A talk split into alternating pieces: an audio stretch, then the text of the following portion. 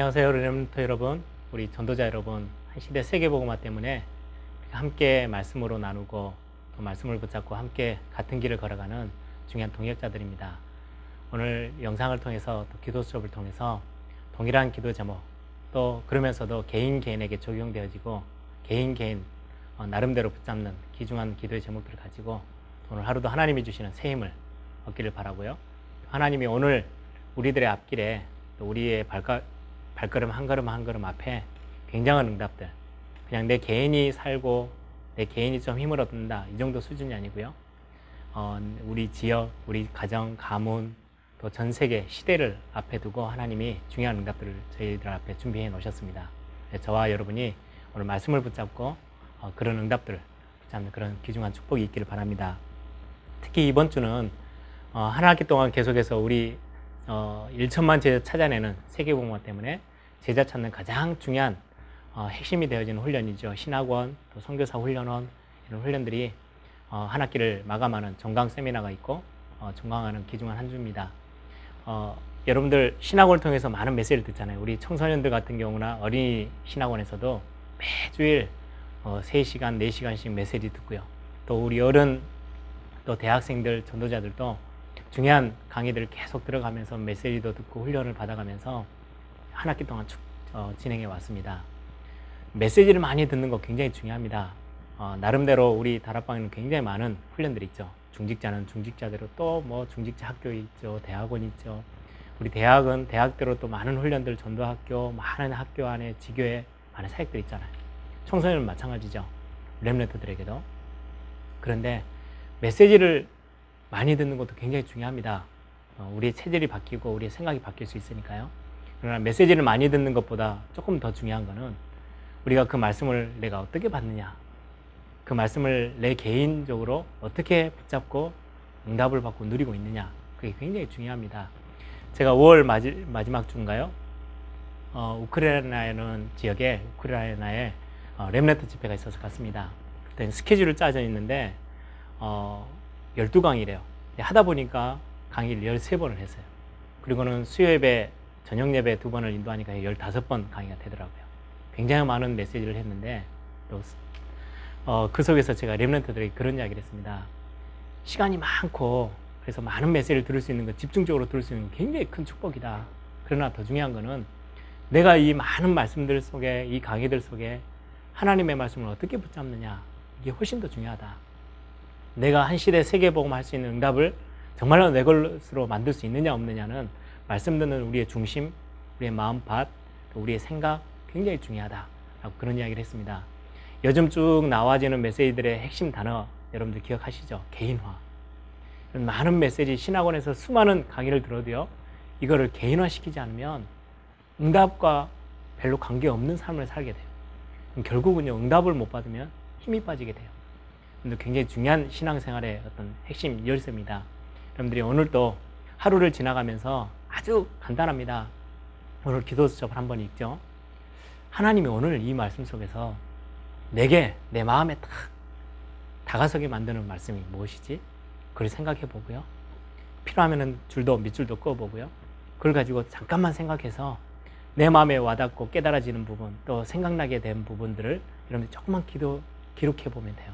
그 굉장한 응답과 연결되어지는 신앙생활의 모습입니다. 그게 매일매일 반복되어진다면 엄청난 응답이 쌓여서 나중에는 세계복음화, 실제로 되어지는 응답을 여러분들이 맛보게 되어지는 그런 주인공이 될 수 있습니다.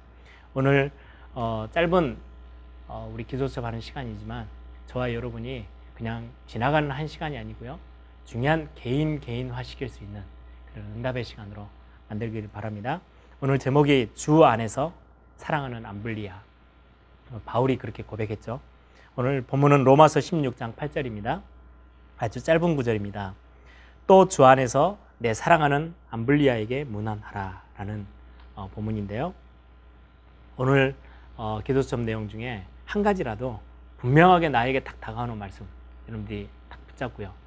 줄도 꺼보고 거기서 깨달은 것들을 여러분들이 잠깐 메모도 하고 완전 여러분들의 마음에 여러분들의 생각과 여러분들의 영혼에 완전히 뿌리 내리도록 여러분들 꼭 붙잡기를 바랍니다. 서론입니다.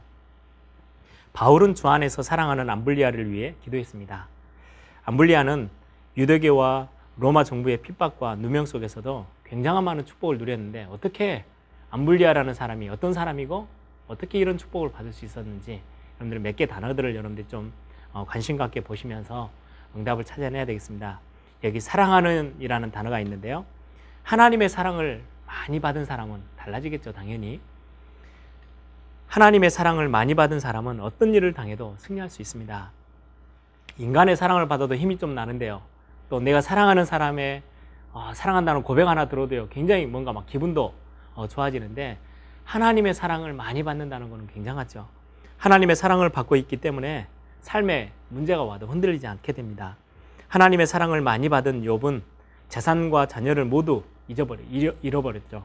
그럼에도 불구하고 주신 자도 여호와시고 취하신 자도 여호와시라고 고백하면서 그 어려운 환경을 이겨냈습니다. 하나님을 바라보면서 큰 응답을 받게 되죠. 요셉은 믿음이 좋았다라고 볼 수도 있지만 하나님의 사랑과 응답을 많이 받았기 때문에 노예라는 환경, 감옥에 갇혀갖고 누명을 썼다 이런 걸 다 넘어설 수 있었어요. 어, 여러분들 정말로 중요한 하나님의 사랑을 받는 거 이게 무엇인지 여러분들 오늘 하루 어, 좀 생각을 많이 해보기를 바랍니다. 두 번째입니다. 모든 사람을 살리는 사람.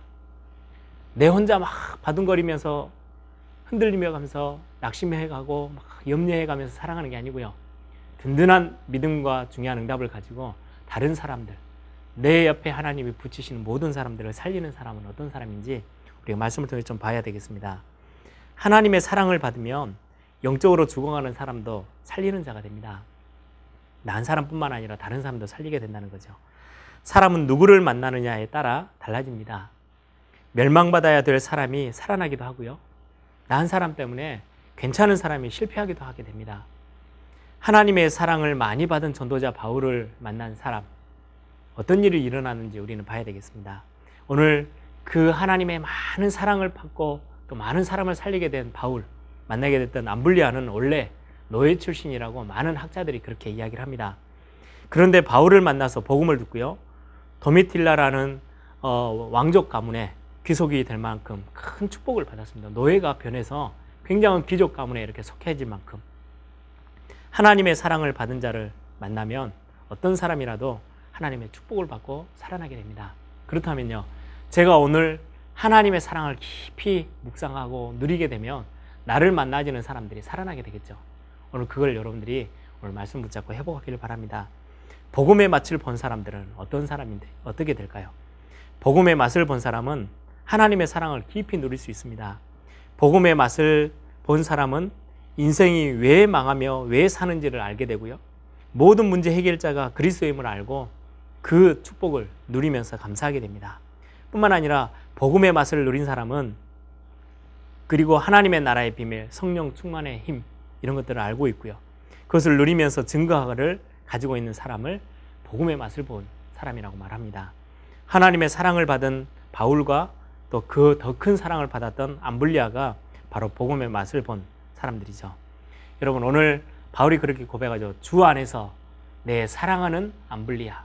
여러분들이 목회자에게 사랑을 받고요. 전도자의 사랑을 받는 사람이 된다면 굉장한 축복이죠. 근데 좀 더 나아가서 더 큰 하나님의 사랑 속에 내가 들어와 있다면 하나님의 사랑을 듬뿍 받고 있는 사람이라면 조금 반대로 생각하면요. 오늘 하루 하나님의 사랑 속에 내가 거하는 걸 내가 느끼고 누리고 있다면 어떻게 되겠습니까? 하나님은 누구를 사랑하시겠어요? 요한복음 3장 16절에 보니까 이처럼 세상을 이처럼 사랑하사 하나님이 이 세상을 다 사랑하십니다. 그러나 특별하게 복음 가지고 복음 전하려고 특히 이 복음을 렘런트들에게 전하려고 하는 귀중한 전도자들과 렘런트들에게 하나님은 모든 사랑을 쏟아 부으시겠죠. 나는 좀 연약한데요. 부족한데요. 로마서 5장 8절에는요. 우리가 아직 죄인 되어 있을 때 그렇게 말하죠. 그리스도께서 우리를 위하여 죽으심으로 하나님께서 우리를 사랑하시는 그 자기의 사랑을 확증하셨다. 우리가 죄인 되어 있을 때 복음 주셔 가지고 그리스도를 보내셔서 죽여가면서까지 십자가에서 그 사랑을 보여주면서까지 우리를 사랑하셨다라고 말씀해요. 오늘 저와 여러분이 이 하나님의 사랑 마음껏 누리는 그런 하루가 되길 바랍니다. 특히 복음 전하려는 전도자, 이 복음의 사랑의 빚진 자로서 렘런트들에게 내 자녀들에게 내 후대에게 내 주변에 죽어가는 사람들에게 하나님의 사랑을 내가 전달해야 되겠다. 내가 받은 만큼 난 또 돌려주며 살아야 되겠다. 이게 전도자의 중심 아니겠습니까? 이 중심을 가지고 있는 하나님이 내가 너를 사랑한다. 라고 고백하는 고백이 저와 여러분에게 주어지는 고백이라고 생각합니다. 오늘 이 축복을 여러분들이 마음껏 생각하고 누리는 그런 시간들이 되길 바라고요. 오늘 포럼의 주제입니다. 복음을 가진 자는 어떤 환경에서도 승리하며 누구를 만나도 살리게 됩니다. 왜요? 하나님의 사랑을 알고 있기 때문에 또 하나님의 사랑을 받게 되면 저절로 그렇게 되어집니다.